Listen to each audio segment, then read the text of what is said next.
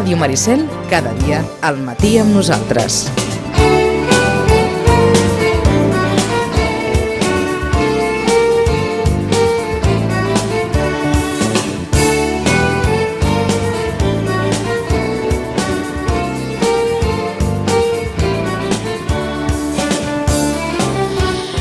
I 39 minuts del matí, com cada 15 dies, ja tenim aquí amb nosaltres el Chachi eh, Gómez. Avui no podia ser d'una altra manera, hem de parlar, ja que ho tenim, com aquell qui diu el tombant de la cantonada, la Patum.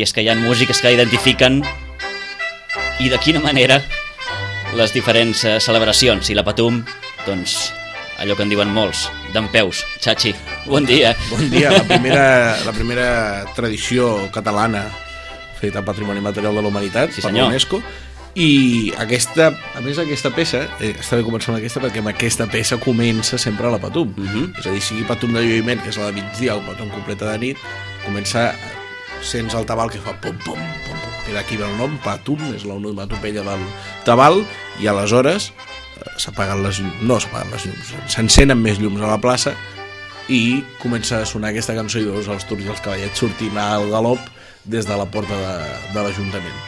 És la peça que dona l'inici, eh, podríem dir, a les patums de lluïment i completa, i a més és una peça que jo crec que és peculiar perquè és diferent a la resta. Aquí l'hem escoltat en versió cobla, sí. eh, que no és tal com sona a la plaça, però també és molt bonica i, i hi ha, hi ha enregistraments molt xulos de Patum, de fet fins i tot hi ha una, una rapsòdia, una, com una suite no?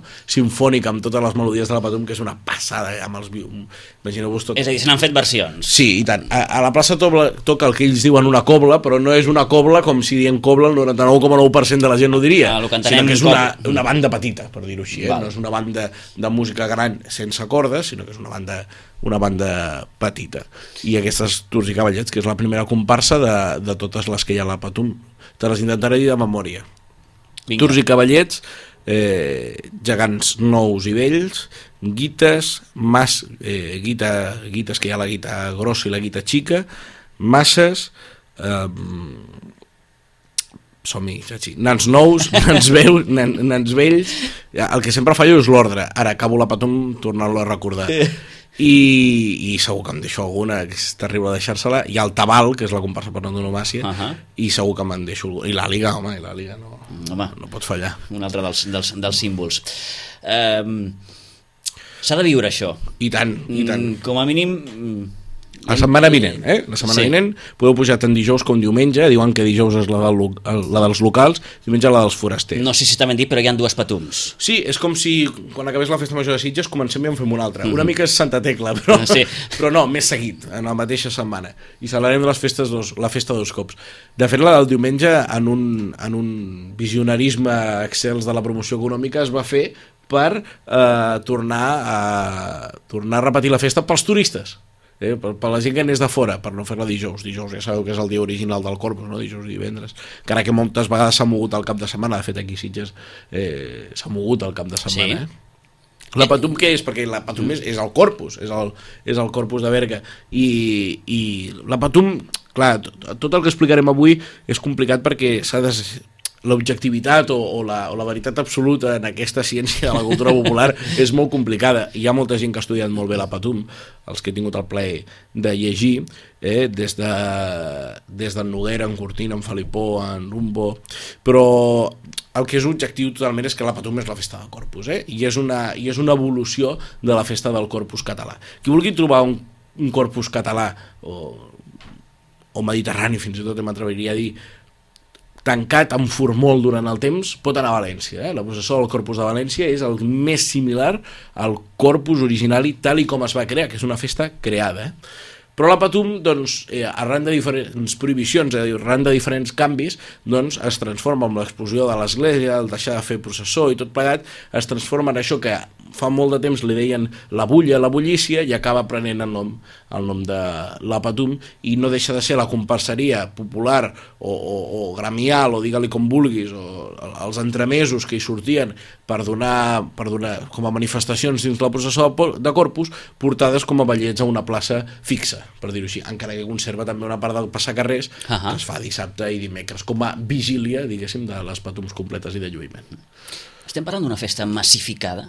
Sí, sí, sí, sense cap mena de dubte, vull dir, només cal veure la, clar, la imatge a la plaça. Un quan veu les imatges, mm, mare de Déu, mm, sobretot el cap de setmana.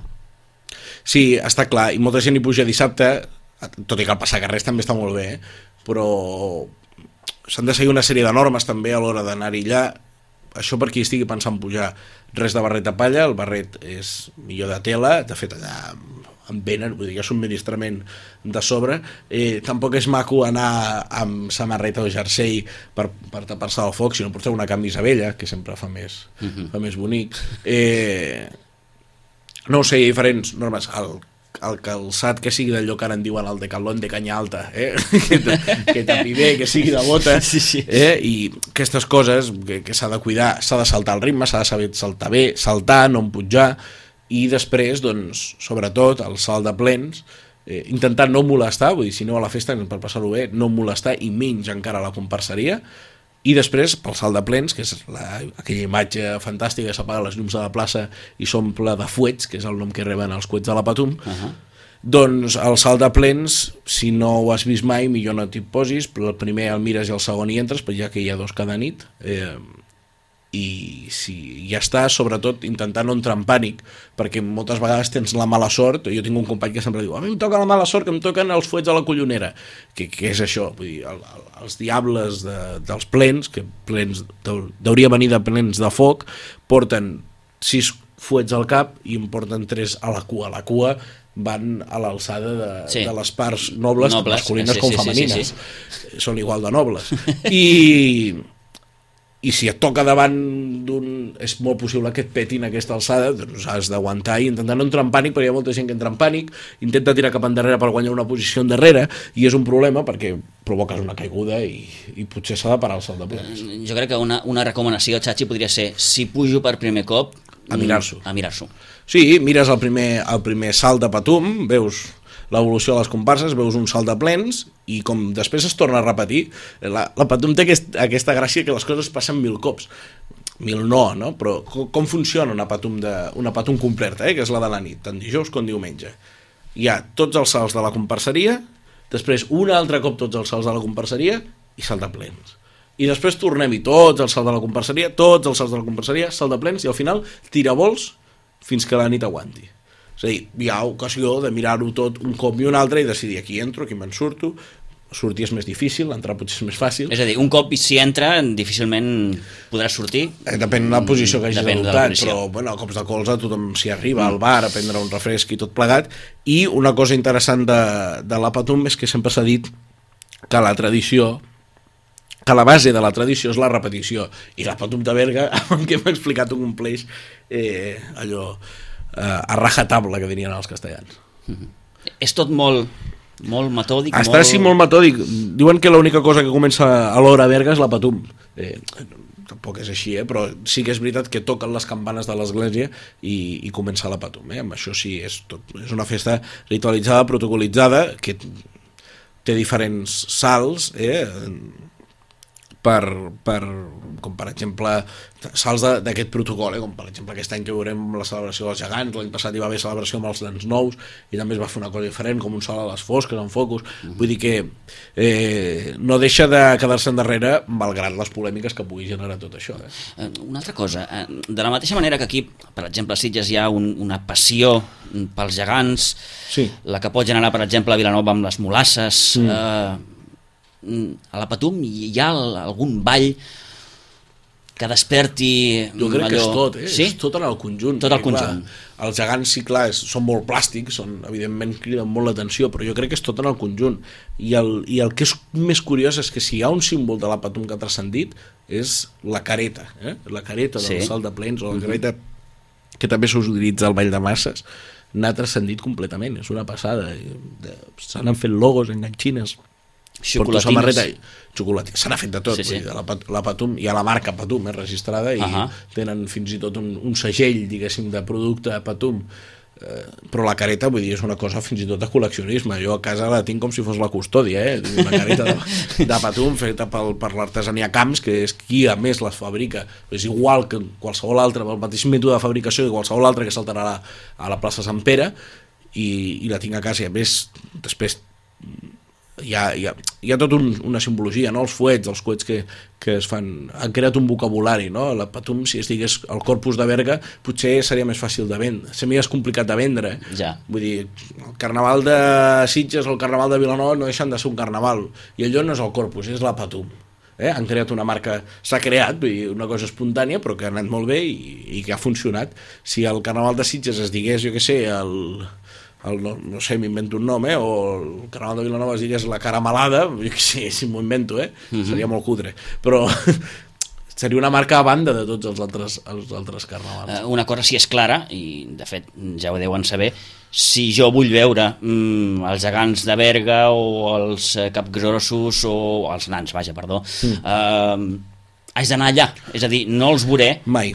mai, mai, mai que no sigui a Berga. Uh -huh. eh, de fet, el, el cop més a prop, i m'honra i em deshonra dir-ho per dues bandes, com a Vilanoví, el cop que hem estat més a prop de veure'ls fora de Berga ha estat eh, pels 300, els 300, el 300 aniversari dels gegants grossos de Vilanova, on hi van anar tots els gegants centenaris, els de Sitges hi van anar, Sí. per exemple, eh? I, i van estar en una exposició, i alguns d'ells després no van sortir en Cercavila, eh? perquè, mira, per exemple, poso el cas Solsona, eh? per exemple, es, es, es, s'interpretava que, que, que era una cosa, vale que ja era una cosa molt extraordinària, llavors estaven en un museu, amb el que comporta estar en un museu, eh? els seguros que van de porta de museu a museu i tot plegat, eh, estaven al Museu Balaguer, i els únics, únics gegants històrics de Catalunya que van faltar van ser els gegants de la Patum de Berga, que hagués estat tota una revolució que hi haguessin anat, però van decidir que no, i bé, no sé ben bé com va anar eh, internament, però, Però es van fer les passes per... per, jo n'estic segur que sí. sí?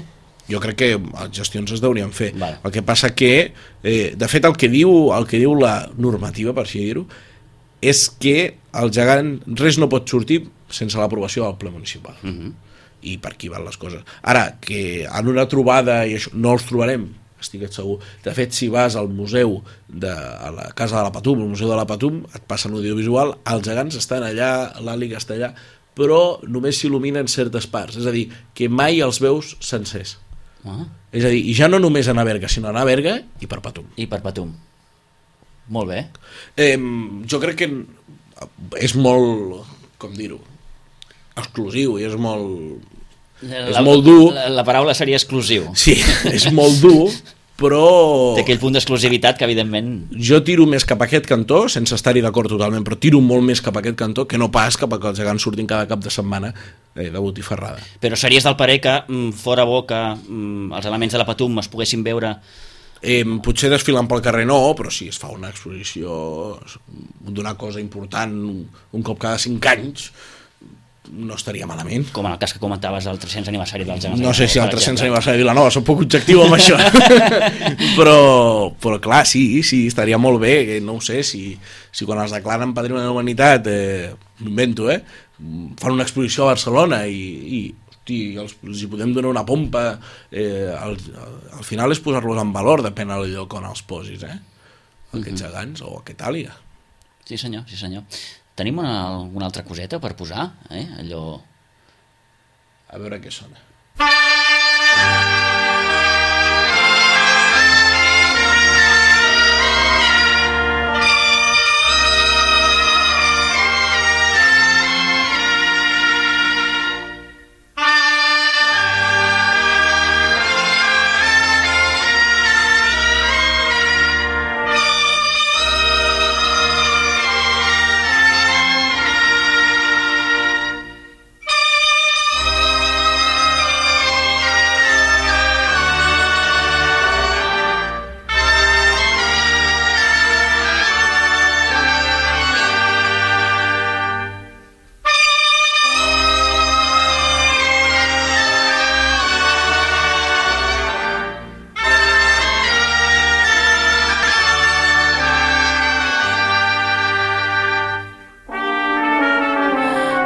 uns apunts històrics. Això que sona és del 71.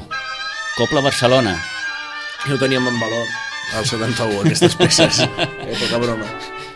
És el Ball de l'Àliga. Vall de l'Àliga, El senyor. moment, el moment que, com deia Francesc Pujols, eh, no parlava d'això, però parlava de Catalunya i els catalans, ultra el respecte i la- l'admiració. Vull dir, tothom a plaça per un moment deixa la gresca... És el para- moment més cerimoniós, per dir-ho així? Sí senyor. I al Ball de l'Àliga, eh, doncs, s'han fet molts estudis molt seriosos eh, d'aquesta melodia. Eh?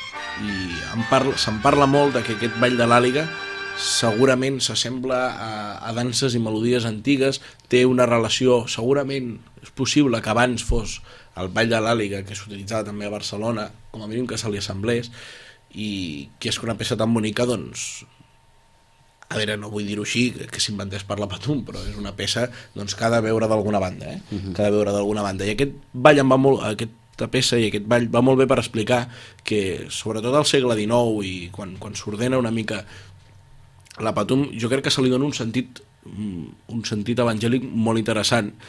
Eh, a la raó que al principi va tot al mal és a dir, tenim els turcs i els cavallets que no deixa de ser una batalla eh, entre, entre moros i cristians. Tenim eh, les guites, les masses, que és el seu ball de diables. Abans teníem els plens, el que passa que ara per logística es fan al final, però abans hi anaven els plens, i després de tot això, els gegants. Ai, els gegants, l'àliga, perdó. I l'àliga, com bé sabeu, és símbol de, de Sant Joan, eh?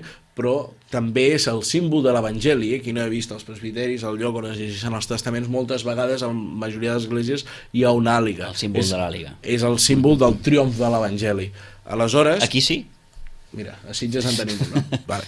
Perfecte. Eh, és el símbol del triomf de l'Evangeli, ja no només de Sant Joan, tot i que després se li vulgui donar aquest, aquest aire de representació municipal del poder, també eh, els Estats Units la fan servir com el seu símbol eh, a, a l'àliga. Per què? Perquè és, és, és l'au que vola més alt de totes. Eh, No, no, és la, la, la, la reina del cel, al final i amb aquest sentit que se li vol donar a Evangeli jo m'agrada trobar-li aquests sentits religiosos eh, a, a, a l'esdevenir de les coses i una, i una cosa tan eloqüent com hauria de ser una processó de corpus o un acte que s'inspira triomfa l'Evangeli i és el i és el torn de les, de les bèsties i de, de les manifestacions folclòriques domesticades. Estem parlant dels nans, estem parlant dels gegants, Els gegants, és, sí, sí, sí. i estem parlant de, de, de les coses domesticades de la vida, de la humanitat, eh?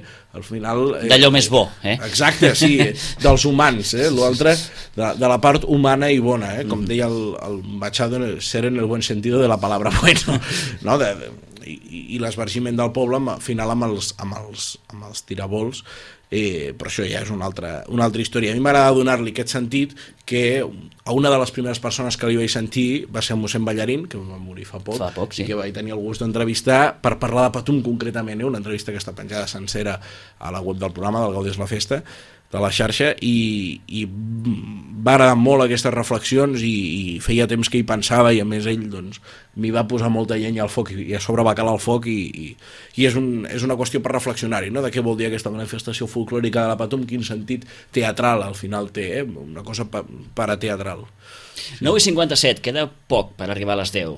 Suposo que hi aniràs. Sí, dijous intentarem enregistrar el programa, si no plou, i si no tenim el comodí de diumenge, i si, i si dijous no ha plogut, diumenge puj- pujarem a passar-nos-ho bé, també, que està molt bé que es repeteixi. I veure les altres patums, també.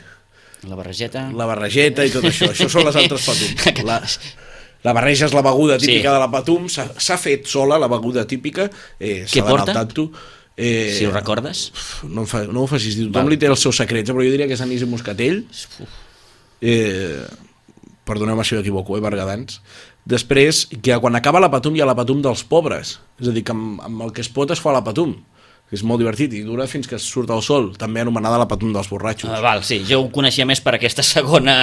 sí. La patum dels pobres és més finet. Sí. Després hi ha altres coses interessants, com durant aquest, aquests últims dies i setmanes, la gent de Berga que s'ha dedicat a recollir Vidalba al bosc, a portar-la fins a Berga per poder vestir els plens. Són parts ocultes de la festa molt interessants. Aquest cap de setmana passat s'ha fet la patum del carrer Pietat, que és una patum que va començar jugant entre els nens i que ara es fa amb banda i tot, i és una patumeta, eh, perquè m'entengueu, uh -huh. per treure una mica Són les altres patums. Sí, Eh? i pels que anem de fora hi ha una cosa molt interessant que, que jo l'he viscut sempre en, en pròpia persona, que és a l'alberg de Berga, que és on hi dorm part de la jovenalla, jo crec que hi ha també la patum de l'alberg, eh? que es viu als passadissos, als lavabos, i no cal explicar-ho. Tot fi, una experiència. Eh, aquelles interioritats que de vegades... Sí, però comencem cal, a imitar sí, la comparseria i això, i fas amics, és interessant i divertit. Bé, les altres patuns, com dèiem.